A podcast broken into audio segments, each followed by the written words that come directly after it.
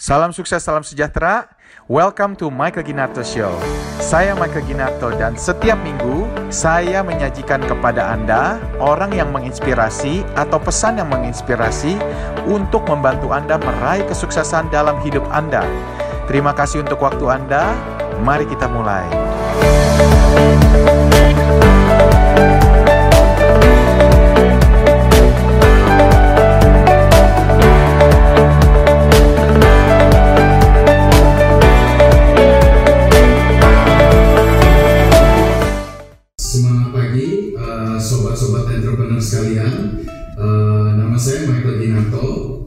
Pada hari ini, hari yang sangat istimewa, saya bersama dengan Ibu Novita Tandri.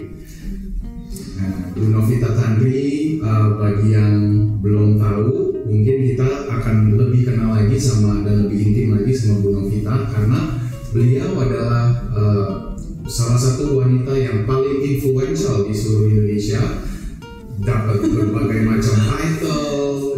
Dia adalah wanita yang sangat uh, inspiratif. Ya, she's a very good friend of mine. Dan hari ini kita akan belajar banyak dari kisah-kisah suksesnya beliau. Dan saya harap kita punya show hari ini bisa memberikan inspirasi, uh, kekuatan bagi orang banyak.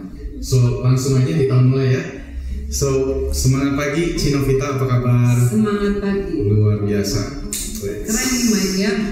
It's an honor Thank you. to be in your show. Thank, Thank you so you, thank much. you. Yes, likewise, it's an honor for for me to have you in the show. So uh, hari ini, I pengen bagi yang belum kenal Cinovita, Cinovita bisa cerita sedikit. Oke. You kan kalau saya baca ya, waduh, nggak ada habisnya. Kayaknya dua halaman juga nggak ada habisnya gitu pencapaiannya luar biasa sekali. Bisa share sedikit mungkin what your accomplishments gitu loh. Saya ba- baca nih ya, nggak bisa diingetin soalnya ini saking banyaknya ya. You punya child daycare education, ya. You juga 10 most powerful women 2008 by SWA Magazine. 10 most inspired women 2009 by Wanita Indonesia. Finalis Ernest and Young Entrepreneurial Winning Women Award 2010 winner of Asia Pacific Entrepreneurship Award 2011 dan 12 The Kebanyakan. most- iya ini kebanyakan ini Kebanyakan, Mike. luar biasa saya bisa jam kita bicarakan penghargaannya uh, Cinovita gitu Iya. cuman yang paling berkesan ini saya lihat uh, dari pencapaiannya Cinovita ini adalah speaker for Kepala Sekolah Pendidikan Anak Usia Dini PAUD se-Jabodetabek, Parent Seminar, dan Your Talk Show, Happy Parenting. Ini luar biasa sekali nih. Bisa cerita sedikit? Dia kalau bicara sebenarnya sih only by His grace, semua karena Hmm. anugerahnya sih. Dalam hidup ini apa sih kalau bukan karena anugerahnya, belas kasihan dari Tuhan, kita masih punya kesempatan untuk bisa berbagi. Dan kalau katakan um, sebenarnya bilang accomplishment juga um, satu kata yang kayaknya untuk mewakili kata yang lain anugerah dari Tuhan ya. Jadi apa yang saya lakukan sebenarnya ngalir aja sih, biasa Hmm. aja. Kalau sampai ada penghargaan itu satu bonus, jadi Hmm. itu jadi tujuannya. Saya sebenarnya dasarnya seorang psikolog anak dan remaja Betul. yang buka sekolah, yang Hmm. dapat dapat uh, beberapa award yang yang selama ini selama 25 tahun ada. Terus saya seorang ibu, dua anak. Terus apa lagi ya? Saya suka olahraga, pasti fitness. Luar biasa ini. Bisa pul- pulang Cina berapa kali ya? bagian dari kehidupan sehari-hari sih Iya, iya. kalau olahraga itu jadi kayak semacam satu gaya hidup aja sih Hmm. lalu kalau yang lain um, Penulis buku ya, sudah bestseller 7 buku. ada tujuh buku yang So impressive. terus apa lagi ya uh, saya kita saya punya 52 cabang daycare saat ini Wow. NTO daycare NTO Daycare. jadi lebih kepada karena latar belakang sebagai seorang psikolog anak sih peneliti terus akhirnya menulis buku dan memikirkan bahwa uh, pendidikan anak-anak usia dini sebagai fondasi daripada karakter seorang manusia itu menjadi begitu krusial. Hmm. Kita kaitkan lagi kita mau bicara aspek apa aja, kita bicara tentang kecerdasan religi, kecerdasan bahasa, kecerdasan kognitif, Hmm. intrapersonal, interpersonal, sosial, dan lain sebagainya semuanya dimulai dari usia dini. Hmm. Anak-anak yang bunuh diri, kalau kita lihat yang marak juga terjadi akhir-akhir ini, semua dari daya juang yang harus dipupuk sejak dini. Betul betul betul. Kita balik lagi ke nanti uh, tema diri itu ya. Cuman ya uh, saya pengen tahu nih uh, waktu cikal bakalnya memulai day, uh, daycare ini kan pasti dari 52 cabang di awal dari cabang pertama nih. Betul. Iya kan. Itu kapan pertama kali Cinovita punya ide ya kita mau buka daycare ini Oke. dan dulu mulainya gimana gitu. Mhm. pasti kan semua you are the founder of the company kan dia pasti mulainya dari nol gitu Iya, kan betul. Nah, can you tell me a little bit gitu dari idenya Kalau, kalau itu lebih kepada latar belakangku sih Oh. balik lagi karena saya suka berkecimpung dengan dunia anak Hmm. zaman SMA itu jadi guru sekolah minggu suka sekali kalau berhubungan dengan Wow. dunia anak jadi pokoknya cita-citanya kalau nanti bekerja saya harus berhubungan dengan dunia anak Hmm. nah tadinya bukan dengan daycare jadi programnya itu yang satu jam programnya TK tiga jam 5 jam tapi saya melihat bahwa khususnya kota kota Jakarta orang tua kan pada bekerja semua nih suami istri waktunya penuh dari pagi sampai malam bekerja Betul. dan anak semua dengan pembantu rumah tangga Betul. atau pembantu rumah tangga yang pakai seragam yang disebut suster, suster. Iya kan? iya, jadi anak ini diisi eh, hmm. oleh orang-orang yang sebenarnya menjadi begitu krusial untuk membentuk balik lagi karakter. Nah, saya pikir kalau sama orang tua bekerja yang mengisi kurang um, memahami bagaimana mengisi anak-anak ini, Mhm. kenapa tidak saya buat daycare yang seharian? Jadi orang tua Hmm. percayakan kepada kita untuk semua aspek tahapan tumbuh kembang kita yang isi. Daycare berapa itu berapa jam itu biasa daycare Uh, kita mulai dari jam 7 pagi, ada yang sampai jam 7 malam. wow Jadi 12 12 jam. hours in a day. Jadi Oh, benar-benar betul, ditemenin, betul. ya. Jadi mereka makan di situ, mandi di situ, sekolah di situ. Jadi ada TK-nya di sana. oh Jadi betul sekolah di sana. Hmm. Jadi pulang pun uh, orang tua sudah siap menjemput, cuman selalu ada PR-nya. Jadi Hmm. kalau begitu dijemput, nggak boleh lagi pegang gadget. oh gitu Di mobil benar-benar harus ada interaksi antara Oh, gitu. orang tua dan anak. Itu ada sainsnya ya kenapa nggak boleh pegang gadget gitu apa Um, kita ingin supaya apa? Karena gadget namanya um, sekarang dunianya ge- generasi alpha ini digital banget ya. Masuk revolusi industri 4.0 segala sesuatu nanti akan dikendalikan oleh teknologi artificial intelligence. right Nah kita mau supaya anak-anak ini punya skill yang tidak bisa digantikan oleh mesin atau teknologi. Apa itu? Hmm. Selama mungkin kalau boleh mereka tidak bersentuhan dulu dengan digital. Ada masanya di mana pemahaman benar dan salah sudah mulai terbentuk. Itu Oh. usia kurang 9 sampai 10 tahun. Jadi kalau bisa sedikit mungkin bersentuhan dengan teknologi sampai umur 9 tahun sampai 10. Wah. Saya konservatif sekali sih. iya iya iya. karena lebih baik mereka punya skill yang karena daya juang itu nggak bisa digantikan kan betul betul kemandirian kemandirian nggak bisa digantikan oleh Hmm. etika tata apa ya interaksi dengan orang lain itu nggak bisa digantikan oleh teknologi. Itu harus dipelajari dan diserap sejak dini betul betul. Wah kalau saya sih udah kecolongan kayaknya anak saya tiga. Kalau makan nggak nonton di YouTube itu nggak mungkin kayaknya Kirim ya. ke Novita iya kirim ke waduh. Iya iya iya Iya. oh menarik juga. Jadi awalnya memang you psikolog eh, anak psikolog sampai master's degree ya psi- psikolog eh, remaja juga. Jadi idenya have to do business with eh, children ya. Ya yang Hubungannya itu. pastinya kita bisnis uh, memang hidup ini butuh uang. Yes. pasti. Mhm. kita segala sesuatu dalam hidup butuh uang untuk memenuhi kebutuhan kita. Betul betul. Uh, tapi Susah, bagaimana bagaimana menghasilkan uang tapi menjadi berkat buat orang lain. Ini kan yang dilakukan Michael Hmm. Yes, ya nggak sih? Menye-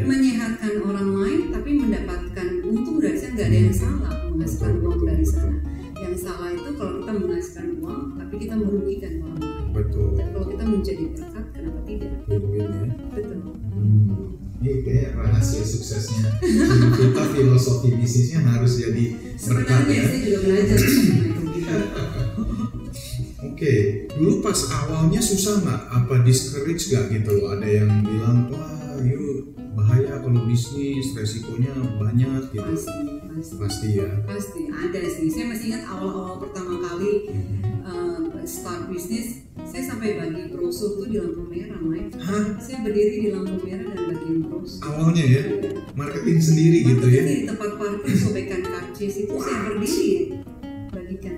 Karena staff saya S1 nggak mungkin kamu mau. bagiin brosur Bosnya S2 malah bagi brosur. iya jadi saya biasa ya. lead by example sih. Bahwa kalau um, saya lakukan ya kamu enak nggak enak nggak ya? Ngelihat aku ngelakuin gitu. Saya nggak bisa bayangin ya sama tapi untungnya Mike Iya. untungnya Mike kalau kita bicara 20 tahun yang lalu Mhm. saya jauh lebih cantik zaman itu. Jadi semua brosur Iya, saya iya, itu iya. diterima sama bapak-bapak. Oh, mana brosur sini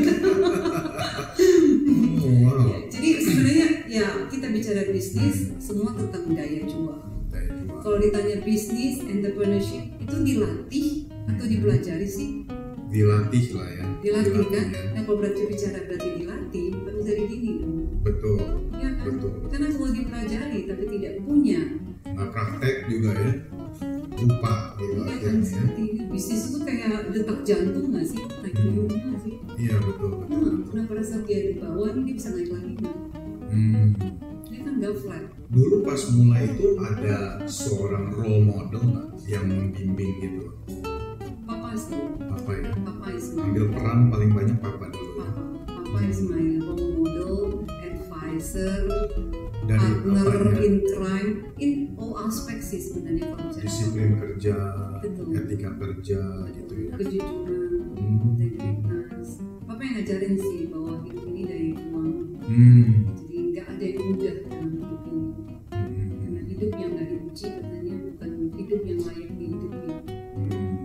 Hidup yang nggak diuji, hidup yang nggak layak hidup. kalau hidup yang tidak diuji adalah hidup yang tidak layak dihidupi Wow, amazing. dari hidup itu memang harus diuji baru menjadi layak untuk dihidupi Betul, ya nggak sih kalau kita pikir-pikir betul betul. setiap hari setiap detik dalam hidup kita ini ujian dong Kalau nggak diuji kita nggak ada ya potensi dalam kita nggak keluar sebenarnya. ya. Waktu diuji baru potensi yang ada dalam hidup kita baru keluar semua tuh ilmunya. Michael Kinardo Iya. sudah menjawab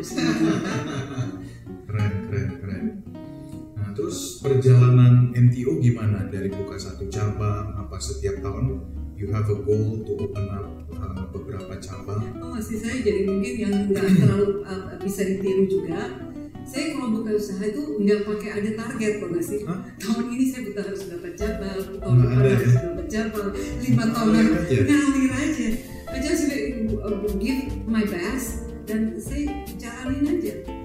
Yang saya pikir ini yang baik buat anak-anak, baik buat orang Hmm. tua dan ngalir gitu aja. Nggak stres ya? Nggak stres. ya nggak dibawa stres. karena kalau ini menurut saya ya mungkin banyak teman-teman mungkin nggak terlalu setuju bahwa Hmm. itu harus harus betul direncanakan targetin Hmm. ada tapi saya nggak pernah yang kayak 10 years from now mau apa biasa Hmm. aja karena saya tahu semuanya dalam rancangannya.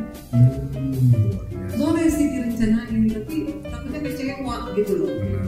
kalau kalau di luar dari apa yang kita rencanain karena tetap di tangannya kuasanya semua yang terjadi semua ada ini nggak Cinovita? You kan uh, obviously yang yang akan nonton acara ini ya. Pada lihat nih sosok yang sangat sukses ya dari segala aspek ada spesifik morning routine atau daily routine yang dilakukan supaya sukses ada habit-habit tertentu nggak yang dilakukan Kalau saya hidupnya jadwalnya terlalu rapi sih sebenarnya. Hmm. Kalau lihat, jadi saya ketahuan banget tuh bangun jam berapa. uh, Udah kayak clockwork lah ya. Iya benar. Jadi tidur jam berapa. Hmm. Jadi waktu tidur saya harus 8 jam. Hmm. Saya bangun itu harus ada waktu teduh sebentar. Baru pagi di pagi hari terus baru urusin urusan rumah sebentar. Hmm. Makanan udah kita bawakan setiap jadi suami bawa makanan, saya bawa makanan, anak-anak ada makannya pakai rantang, Mike. Jadi semua, tapi kalau, kalau diperhatikan itu sih sebenarnya dan disiplin ya berarti udah predictable routine udah ada ya. Betul. Jadi makan juga dijaga ya. bener dan malam itu jam 10 kita semuanya udah rapi di tempat tidur sudah doa sama-sama. Jadi sebenarnya kata orang uh, hidupnya abu-abu. Tapi buat saya justru hidup itu yang membuat apa ya uh, hidup itu lebih balance gitu. Hmm. semuanya ya. masuk gitu. Tapi ya setiap orang hidup kan pilihan Iya. dan you have your own choice gitu. Memilih bagaimana cara tapi buat saya hidup cuma sekali. Betul. Dan sekali ini um, ada pertanggungjawaban Hmm. karena kita nggak tahu katanya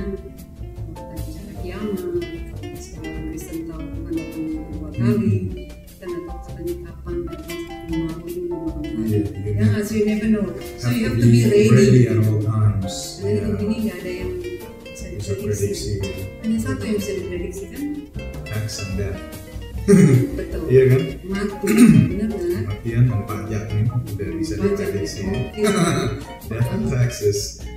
ya. mati menjadi kata uh, kunci setiap orang pasti ada alpha, ada omega. betul Dan waktu sekarang lagi ngobrol sama Mike disebut Hmm. dengan waktu kronos dan kairos. Kairosnya itu menjadi momen satu titik hmm. the present time jadi satu titik momen ini. Setelah dua, dua detik kita mau tidak mau digeser dengan ribuan titik-titik-titik itu Hmm. sampai nanti kita ketemu di titik akhir. Bagaimana menggunakan sebenarnya waktu kairos ini? Menurut aku kalau orang tua semua pada tahu bahwa the present moment dia manfaatkan betul-betul secara bertanggung jawab, mendidik anak-anaknya, dia nggak akan main-main sih dengan waktu betul waktu betul kairos. karena berjalan terus ya. Jadi dari dulu kepikir punya bisnis berarti you have entrepreneurial uh, keturunan entrepreneurial ya. Dulu nggak pernah pikir cari kerja dulu cari pengalaman. Kan itu pola pikir orang dulu kan gitu ya. Iya iya. Eh, Cinovita selesai sekolah langsung aja jeber gitu ya buka bisnis ya. Itu itu Se- sebenarnya nggak juga sih. Aku jadi planningnya sebenarnya jadi ibu rumah tangga ngerawat anak sendiri si Joshua kan. Jadi ini tempat ini tempat si Joshua lahir jadi di mana eh, waktu punya anak aku pengen bahwa saya mau besarkan eh, anak sendiri tanpa bantuan suster dan dan pembantu. Tapi ternyata dengan berjalannya waktu anak sudah mulai merangkak merasa bahwa kok ilmu yang saya pakai nggak dimanfaatkan buat orang lain. Sayang ya. Sayang. Lalu ya itu tadi manusia yang tanpa terlalu banyak rencana buka sekolah aja yuk. Just do it ya. Iya buka Ini sekolah kayaknya aja your your success formula is just do it. Don't banyak mikir just do it. jadi jadi. Jangan visi jangan Iya. planning planning planning tapi you don't do it. Ini you just do it gitu iya ya. jadi akhirnya ah bikin sekolah aja. Sesederhana saya punya ilmunya Iya. saya punya teorinya dan saya bisa bawa anak. Iya. Kalau saya kerja sama orang kan saya nggak bisa bawa anak. Nggak bisa. tapi sesimpel itu aja Mike tapi ternyata sesederhana bahwa um, bisnisnya. jadi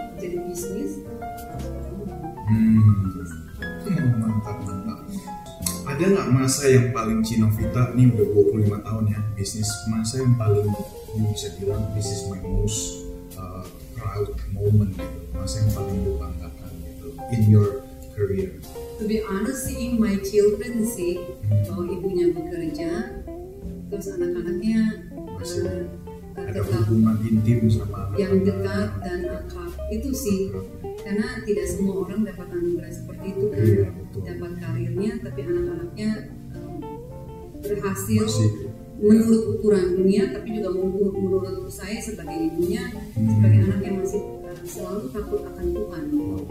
Kalau buat saya itu itu the most happiest moment kali in life. Karena menjadi orang tua kan harta kita yang terbesar anak-anak.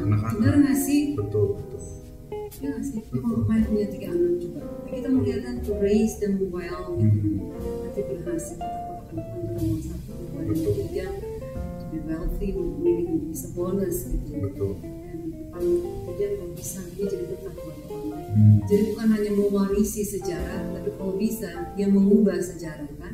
Betul. namanya begitu kan? Yes, yes. Wow. Ini dalam sekali, dalam sekali ke anak ya. Memang sih uh, anak itu saya kan punya tiga anak ya. Tiga anak ini saya mau punya hubungan intim juga sih sama mereka nggak mau yang kalau kita keluar kota apa kita keluar negeri kita mau hubungan sama anak Iya. kalau saya lagi keluar kota pun juga saya coba FaceTime Ya, manfaatkan teknologi ya. iya manfaatkan teknologi Iya. kalau masa-masa sulit gimana kan kita 25 tahun udah lewatin siklus ekonomi ya Iya. ada up ada down terutama pas pergantian pemimpin negara mungkin pergantian menteri ada kebijakan yang, Iya. yang baru pasti itu ada dampak tertentu sama bisnis kan Iya. ada musim kemarau kan nggak mungkin harvest time every year harvest time gitu kan Iya, iya. nah itu sikapinnya gimana you sebagai founder and of your company gitu what's your strategy? Um, kalau aku mungkin agak-agak unik kali karena pendidikan jasa sekolah orang tua kan nggak mungkin nggak sekolahin anak kan? banyak Mungkin. competition. Ya, Um, ada masa-masa sulit pasti kan? Iya, tapi karena mungkin um, kita melihat bahwa gimana ya, pendidikan itu di kreatif aja kali. Kalau di dalam entrepreneurship mungkin perlu mengatur strategi karena competition nggak mungkin nggak ada, kompetitor nggak mungkin nggak ada. Kompetitor apalagi ya kalau lifestyle di Indonesia, Hmm. bagaimana competition yang terjadi gitu ya. Nah itu memang terjadi juga di pendidikan, tapi mungkin lebih halus kali mainnya Hmm. lebih halus kalau dibandingkan dengan bisnis yang lain. Iya. Kalau mungkin di bisnis saya yang lain, ya kita bisa merasakan. Kalau spesifik bicara tentang pendidikan, ya anak lebih ringan lah. Ada, Masih lebih sta- stabil dibandingkan dengan bisnis yang lain. Gitu. Iya. Saya kira kan banyak kompetisi. Mau masuk ke dunia pendidikan? Nggak ada. Ngalir aja kalau ada jalannya oke, kalau enggak nggak dicari gitu ya. lebih sebenarnya tinggal uh, kita mengatur aja strateginya dan mengikuti bahwa zaman berubah mau tidak mau zaman berubah 25 tahun yang lalu digital tidak menguasai dunia kita masuk revolusi industri 3.0 ya kan? Di mana komputer dan gadget masuk. 3.0 bergeser masuk revolusi industri 4.0 dengan artificial intelligence dengan segala sesuatu nanti digantikan semua dengan teknologi. Amazon. Amazon. Coba lihat. Kita masuk cuma bawa tab Iya. semua barang keluar. Nggak ada satupun staffnya di dalam kan? Keluar lagi Betul. terus dia tinggal potong di dalam uh, Apple Pay kita punya account Beli apa-apa diantar pakai drone sekarang. makanya Iya, coba cepat sekali di Amerika. luar biasa dan kalau kita masih terlena uh, ya kita akan ketinggalan jadi kalau bisnis bisnis yang lain saya pikir harus harus berubah harus nggak boleh terlena karena kalau tidak akan ditinggal pendidikan aja sama. Pendidikan Kita ada semua komunik- inovasinya apa di communication book semuanya berubah. Dari yang hard copy kita semua pakai apps. Jadi orang tua tinggal melihat oh anaknya lagi makan siang oh anaknya lagi bobo iya oh anak ini bisa kontrol 24/7 Oh. semua report melalui apps Hmm. mereka sudah tahu dari pagi apa medical reportnya semuanya ada di dalam PR-nya malam harus bacain buku apa judulnya apa hal berapa halaman semua udah di dalam genggaman kamu saya harus berubah kalau di situ Hmm. jadi kita sudah memulai Update ya, pakai tablet semua semua udah pakai ya. gadget dan semua segala sesuatu dari A sampai Z Hmm. urusan yang termasuk pembayaran sudah pakai gadget juga gitu ya. Bayar nggak pakai kredit card lagi ya? sudah nggak pakai gitunya sudah otomatis jadi ya, dan uh, sistem uh, paymentnya juga mereka udah ingatkan tanggal berapa sudah harus due untuk bayar Hmm. Amazing. apa anggotanya semuanya pakai tag ya itu industri yang Betul, betul. 4.0. Untuk jaga safety anak-anak gimana tuh? 52 cabang, how you manage all that? There's a lot of manpower kan? Iya, um, SOP-nya masih benar kuat Hmm. dan um, menja- mencari dan melatih gurunya Ada training center. Kinovita sendiri turun tangan sebagai trainer juga. masuk. Ya, ya. Sampai sekarang Sampai saya sekarang hands on. ya, sama, sama harus turun sendiri. Dan setiap cabang tuh punya WhatsApp group masing-masing dan saya kontrol tuh setiap hari. Setiap. Setiap cabang. Dan kita bisa Anak lagi ya, masih ini ya. Luar biasa. Makanya dinamain most Ciloman for a reason.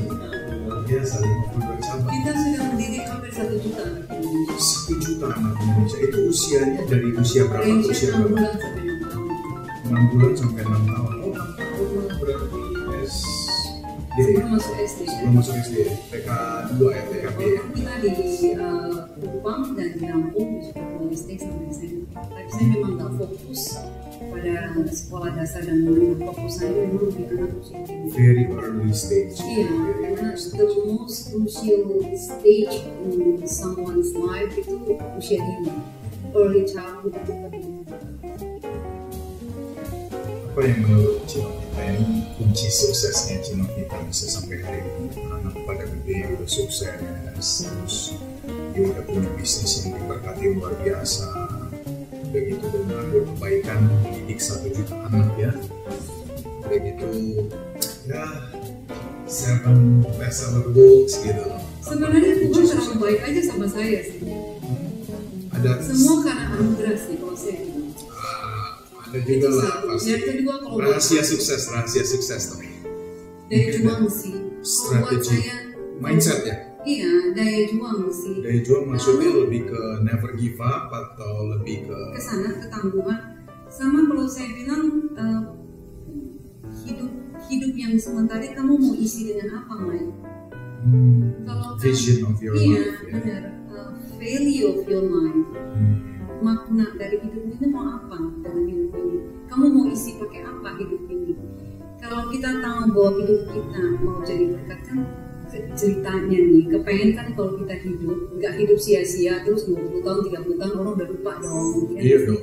kita kepengen kalau eh, sudah meninggal gitu ya sudah dikubur sudah jadi tengkorak gitu eh, 20 30 years masih kurang. Lebih ada yang bisa inget Iya. gitu loh. Oh siapa? Orang Christopher, ya nggak sih? Ya. ya nggak sih? Kepengen itu begitu. Jadi someone can remember with um, something that you, do gitu in life. Itu aja sih sebenarnya kalau menurut aku. Jadi lebih berhati-hati aja dalam, Iya, iya. dalam setiap memaknai langkah mau ngambil apa terus pikir ada ada dampak positif buat hidup uh, ini Hmm, atau enggak jadi hmm, yang namanya arisan-arisan, yang namanya Iya, iya. kongko-kongko yang gak terlalu jelas, saya jarang sekali. jarang sekali ya. Nah, you top priority you jelas ya kan Uh, daily-nya schedule-nya sudah diatur jam 10 udah tidur ya udah ada doa segala macam biasa Mungkin orang itu bosan banget di rumah gitu ya. rutinitas nih ya Iya, ya sama aja kan dengan Michael Ginarto kan. Bisa hadir di sini karena saya tahu ini akan menjadi satu berkat buat orang lain dan Michael Ginarto gitu bisa ini saya pengen bahas satu topik yang ini nih Ci, agak sedikit bikin musak-musak dada gitu ya. Uh, baru aja minggu lalu kita dapat uh, berita lewat medsos. Ya, ada satu orang wanita usianya masih wow 30-an ya. Belum sampai. belum sampai ya? Buat enam. 26 ya? Dia memutuskan untuk uh, give up gitu ya check out gitu mengakhiri hidupnya terjun bebas lagi di emporium fluid gitu ya nah itu menurut saya sih sangat amat disayangkan ya. Apalagi alasannya dia lulusan dari Australia S1 pendidikannya disayang sama orang tua. Rumahnya juga enak ya di rumahnya di Puri gitu ya. Terus apa yang bikin dia memutuskan itu cuma gara-gara nggak dapat kerja dapat tekanan social pressure mungkin dan lain sebagainya? What do you make of it gitu Kalau saya melihatnya, saya seorang sekolah anak remaja. Kecenderungan bahwa anak-anak di zaman milenial ini masuk ke generasi alpha ini memang yang dari tadi kita sebutkan daya tangguh, ke- ketangguhan, daya juang, bagaimana hidup ini harus di- diisi dengan sesuatu yang uh, bermanfaat. Syukur-syukur kalau menjadi legacy selama Hmm. mereka hidup. Ini yang nggak ada. Ditambah lagi orang tua terlalu ingin supaya mimpi mereka Hmm. itu hadir dalam kehidupan anak-anak. Jadi mimpi yang tidak terlaksana itu hadir dalam kehidupan anak-anak. Nggak ada juga yang salah. Tapi kalau tidak melihat karakter anak, tidak mengenal karakter uh, orang yang paling yang katanya dikasihi, ini akan menjadi satu bumerang buat anak, akan menjadi satu tekanan. Nah, tekanan biasanya akan meledak, titik dia akan pecah, meledak. Nah ini yang saya pikir orang tua juga harus bijaksana untuk bisa menentukan arah hidup anak-anak itu karena hidup ini bukan hidup mereka, bukan hidup kita sebagai orang tua, tapi adalah hidup anak. Dan memberikan kebebasan penting, memberikan satu uh, apa jalur selama anak masih di dalam kayak kereta api. Kalau dia masih di dalam remnya biarkan saja dia. Tapi kalau dia mau ke Semarang, dia mau ke Surabaya atau dia mau ke Bandung, biarkan mereka selama mereka in the safe track gitu loh, dengan kereta yang kereta yang benar. Tapi terkadang kita enggak memaksakan kamu harus ke Semarang. Hmm. Saya lebih suka ke Semarang, saya lebih suka ke Bandung, misalnya lebih dekat. Saya lebih suka dengan makanan Sunda, enggak kamu harus ke Semarang. Akhirnya ini yang membuat anak-anak berasa bahwa tekanan terlalu banyak, mimpi orang tua yang menghadirkan mereka. Jadi banyak anak-anak sebenarnya jadinya salah jurusan. Cuma kalau saya bicara anak-anak remaja, ada saya bahkan punya anak uh, yang baru selesai wisuda, dia bilang begini, ini ijazah udah wisuda mah buat kamu ya. Sekarang biarkan saya jadi makeup artist. Buset, sampai begitu ya. Cuma Jadi orang hanya tua dengan aja. orang tua aja kan kamu paksa saya kan mau jadi dokter. Ini ijazah buat kamu. Biarkan saya sekarang jadi makeup artist. Artinya apa? Berarti berarti bukan bukan keinginan anak yang dipenuhi, tapi keinginan orang tua lebih bangga kalau sebab anak saya lulusan dokter daripada anak saya jadi makeup artist. Kalau makeup artist kalau ke Hollywood dan terkenal menghasilkan jauh lebih Iya. banyak uang. Betul, betul. Benar sih? Kalau kita bicara tujuannya adalah uang, Hmm. tapi um, pekerjaan yang kamu suka, yang kamu bangun pagi-pagi itu bikin kayak yes, ya, I want to do this job because I love it. feeling ya. Jadi nggak berasa bekerja. Nah ini yang sebenarnya dengan orang tua mengenal anak semua secara pribadi. Ya hal-hal kayak gini mestinya kita bisa hindari. Berarti orang tuanya kurang peka dan juga terlalu ambisi ya. Ambisinya disalurkan ya. ya. Kalau dari pengalaman saya sebagai uh, psikolog, saya melihat banyak seperti itu yang terjadi. Jadi yang mesti dibereskan dulu biasanya orang tua dulu. Karena biasanya orang tua beres, anak beres. Orang tuanya mana mungkin mau di coaching ya anak-anak saya gitu ya. Jadi kalau kita nih saya pengen kasih harapan sih sebenarnya gitu orang-orang yang mungkin dalam hidupnya udah mentok gitu ya, udah nggak ada jalan keluar gitu. Pasti ada harapan apa nih yang Cino Vita bisa kasih nih ke kepada mereka gitu. Oke, Em, hidup hanya sekali. Hidup yang sekali ini kita isi dengan benar-benar uh, bisa kalau bisa menjadi berkat buat orang lain bisa menjadi legacy buat buat diri kita sendiri pada saat kita dipanggil pulang. Em, apa ya hidup satu pertanggungjawaban Hmm. dan pertanggungjawaban itu yang kita percaya agama apa pun kita kita ada satu kekuatan yang jauh lebih besar ya. Dan bagaimana pertanggungjawaban di dalam hidup harapan bahwa em, saat ini kayak seakan-akan hidup abu-abu, kayak kayak putus harapan, cari kerja sulit dan lain sebagainya. Percaya deh, kita kelihatan yang keren-keren ada di sini juga mengalami hal-hal yang kalian alami. Gak ada yang gak mengalami itu. Tapi pada pada saat bagaimana kita di bawah, kan detak jantung kan begini ya Mike ya. Betul. Bener gak sih? Kalau detak jantung kita begini, berarti kita udah selesai ya gak sih? Udah. Jadi berarti kita pernah di atas, kita juga pernah di sini, dan kadang kita bisa ada di bawah. Tapi untuk naik itu hidup, gitu. Oh buat saya pada saat saya ada di bawah, what you need to do, relax, cari solusinya, how strateginya. Ada orang yang cepat bisa naik lagi, ada yang pelan-pelan, tapi you never give up, karena selalu ada jalan. Walaupun udah minus pun ya, Pasti. Udah ngalamin juga ya pas di bawah just focus on the solution. Iya. Karena pada saat yang lain masuk dan jangan isi lagi waktumu dengan hal yang aneh-aneh. Hmm. Ya nggak sih merasa bahwa ini kenyamanan sementara untuk hidup saya. Nah, biasanya yang kamu anggap itu kenyamanan sem- kenyamanan sementara itu yang menarik dragging you down. teman-teman. Jadi nggak naik-naik lagi. Jadi you focus apa tujuannya. Jadi strategi.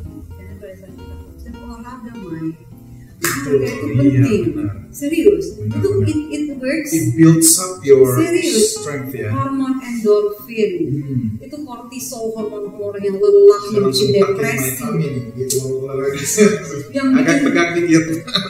yang bikin depresi itu tuh, tuh kan kortisol kan Yes, itu kortisol. hilang semua loh dengan kita berolahraga Ini udah jadi habit dari dulu atau Dari dulu. baru-baru ini?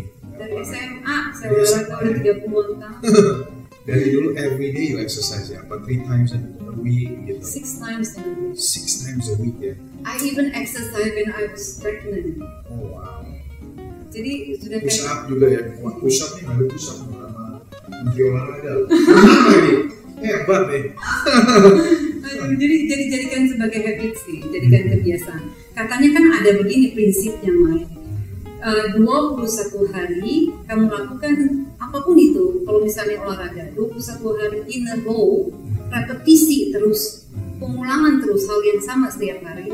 Setelah 21 hari itu menjadi kebiasaan habit. Jadi happy ya. But if you do it 90 days, 90 hari repetitif terus, itu menjadi gaya hidup Oh. sama seperti dalam bisnis misalnya kita di gini internasional melakukan apa repetisi melakukan semua SOP yang Iya. ada 21 hari kamu akan merasa itu udah kebiasaan. Kebiasaan. tapi kalau once kita bolong di tengah hilang seminggu kamu harus balik lagi. Balik lagi. ke nol.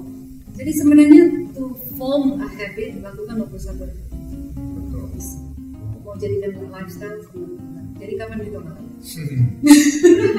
Wah, dari kecil aku, nggak bisa sekalipun. Jadi kunci kesuksesan you apa aja nih? Kalau bisa kita uh, mapping ya? Ada ada berapa kunci kesuksesan Cinovita tadi kan bersyukur sama Tuhan, Be grateful. be grateful ya Tuhan itu uh, lebih besar dibanding masalah kita dan semua tidak mungkin terjadi tanpa kehendak Tuhan ya. Jadi berkat uh, itu satu ya. Nomor dua vision. Hidup ini harus punya value.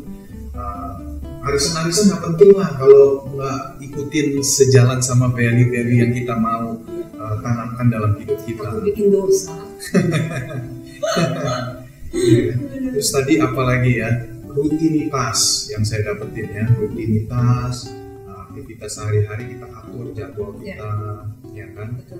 Exercise. Olahraga. Itu nggak boleh olahraga. nggak boleh bolong gitu. Harus on exercise ya. Terus apalagi nih never give up nutrisi. Nutrisi ya. Nutrisi juga penting. Hmm. karena um, makannya apa sih? Tempe sama are you vegetarian? Wih, no I'm not. You're not ya? No suka wagyu. Oh wagyu wagyu. Kobe beef ya? Ada sumber protein yang baik. Yes yes. No I'm not. I'm not vegan. Hampir semua makanan tuh saya makan. Hmm. cuman kata kuncinya cuma satu. Nggak digoreng. Oh, oke, nggak digoreng. nggak digoreng lalu uh, sumber karbohidratnya saya ganti dengan glycemic index yang rendah Oh, karena semakin rendah GI-nya, glycemic index-nya, semakin lama badan kita untuk mencerna dia. Jadi kenyangnya lebih lama. lebih lama,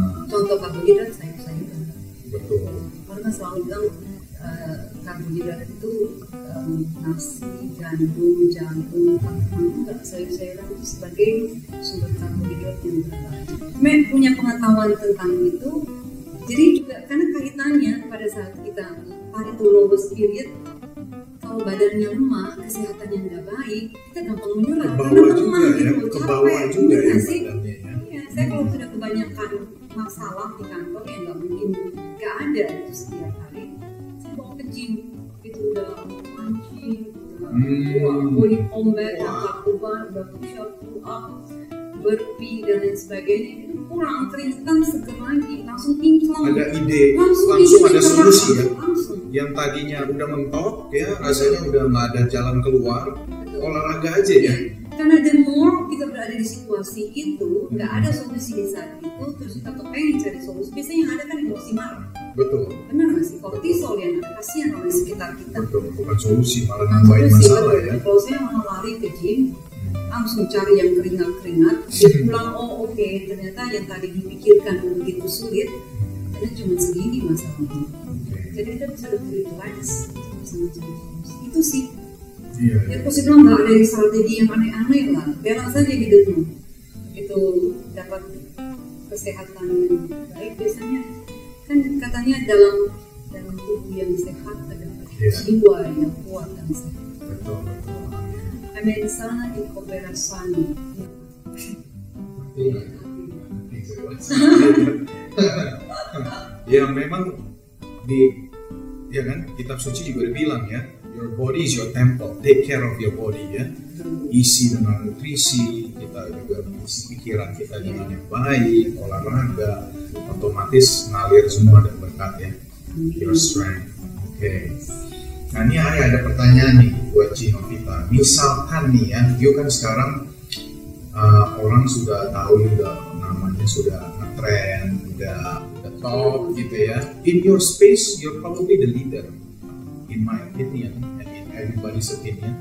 The industry uh, daycare and child education you're probably number one. Yes, you know that. yes you are. Gitu ya kan? Nobody else gitu ya. Nah bayangkan besok bangun you lose everything.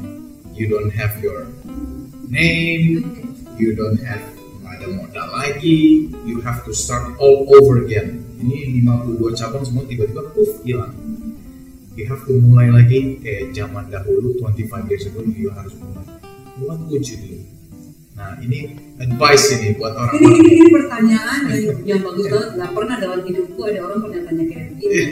It's a very good question sih, Maya. Iya. Ada nggak kepikiran sih? Pertanyaan-pertanyaan itu ya, it's a tough question. Tapi kalau saya harus bisa menjawab, saya suruh Jocelyn aja yang lanjutin. Namanya tanya. well, I you well my daughter and my son Iya ya. Benar. Because ya ka- kalau ask me to start all over again in my age dengan anak-anak yang sudah dewasa, yang satu lagi sudah lagi menikah, yang satu sekarang selesai kuliah dalam enam bulan. Jadi kalau for me, nah lanjutinnya you start from scratch. Uh, let me retire. Ya, mungkin itu yang paling paling pintas, paling jalan paling pintas yang bisa dilakukan. Atau mungkin saya nggak akan punya mimpi yang seperti uh, dulu-dulu karena punya 52 cabang pun dengan mendidik satu juta anak bukan mimpi saya sih to be honest just follow the jalanin aja hanya jalanin doang kan nggak saya targetin harus bagaimana kalau toh sampai harus tutup 10 tutup juga aja pun semua yang lain Mhm. yang mungkin saya buka tempat fitness kali udah ya. olahraganya santai aja. Iya. tapi aku sebenarnya me- me- mem- apa ya membayangkan sesuatu yang belum terjadi itu Hmm. malah membangun kecemasan di dalam hidupmu betul nggak sih? Betul. Kalau buat aku uh, just do whatever you feel is good masih dalam trackmu apa yang terjadi besok serahkan sama yang di atas. Orang burung-burung di udara aja di kok nggak dikasih makan sama siapa-siapa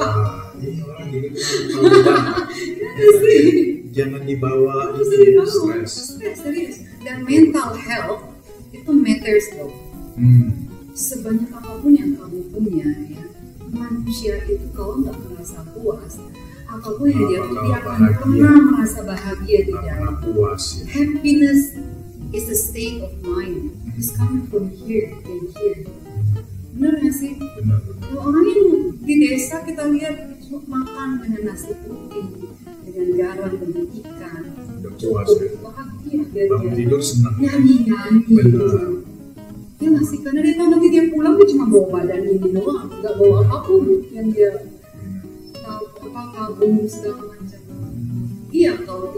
dapat dua kali satu ya. Kalau kita dikremasi. Gimana benar. Benar benar jangan yang pikirin begitu. Don't worry too much stres stres. Ada. Mental health-nya memang nggak banyak ya entrepreneur entrepreneur yang punya pikiran kayak Cinovita ini. Kan banyak yang type A karena, karena mungkin personality ya. karena mungkin saya lebih tua dari kamu. Jadi otaknya udah mikirnya eh, lebih Lebih panjang Ini saya mau uh, tanya gini. Bagi anak-anak yang baru mau mulai, nasihat apa yang Cinovita buat kasih, terutama buat yang wanita. Kan sekarang wanita juga banyak tuntutan sana sini dari orang tuanya, uh, dari social and peer pressure. Oh, lu mesti begini, lu mesti begini, lu mesti pakai baju ini, lu mesti Iya, pakai iya. tas ini, mesti pakai Iya, jam tangan ini. Nah ini ada yang cannot take it gitu kan. Cinovita sebagai one of the most influential women, ya kan? Juga figur ibu yang luar biasa. nasihat apa yang Cinovita bisa kasih ke yang pas baru mau mulai atau yang hadapin struggle? Mungkin mereka mau cari karir sebagai sebagai wanita karir atau mungkin mereka mau buka usaha sendiri. Nasihat apa nih yang Cinovita bisa kasih langsung? Iya. Kalau saya bilang sih fokus dengan apa yang kita pikir menjadi passion kita itu nomor satu. Passionnya apa? Kalau kayak saya misalnya contohnya passionnya uh, ingin mendidik orang tua uh, lewat anak-anaknya seperti Pak Michael Ginato mungkin dengan produk-produk yang kesehatan untuk menye- menyehatkan bangsa ini pilih dulu itu satu jangan seperti ada satu ungkapan katakan jack of all trades but master of none gitu. Jadi kita bisa semua sedikit-sedikit, tapi kita nggak master di satu aspek. Jadi cari dulu passionnya kita mau di di mana, betul-betul itu di sana fokus. Kalau yang masih kuliah atau masih mencari jurusannya apa, uh, fokuskan bahwa jurusan yang kamu mau sesuai dengan passion. Karena begitu kamu master dari satu hal dan kamu bisa menjadi berkat di bidang itu, kamu akan mempengaruhi banyak sekali orang dan hidup kamu tuh bisa dikenal kalau saya saya saya masih hidup ya dan saya belum melakukan banyak hal ini tadi terlalu agak berbahaya masih terus belajar tapi kalau buat saya uh, passion yang kamu lakukan tuh lakukan dengan sepenuh hati.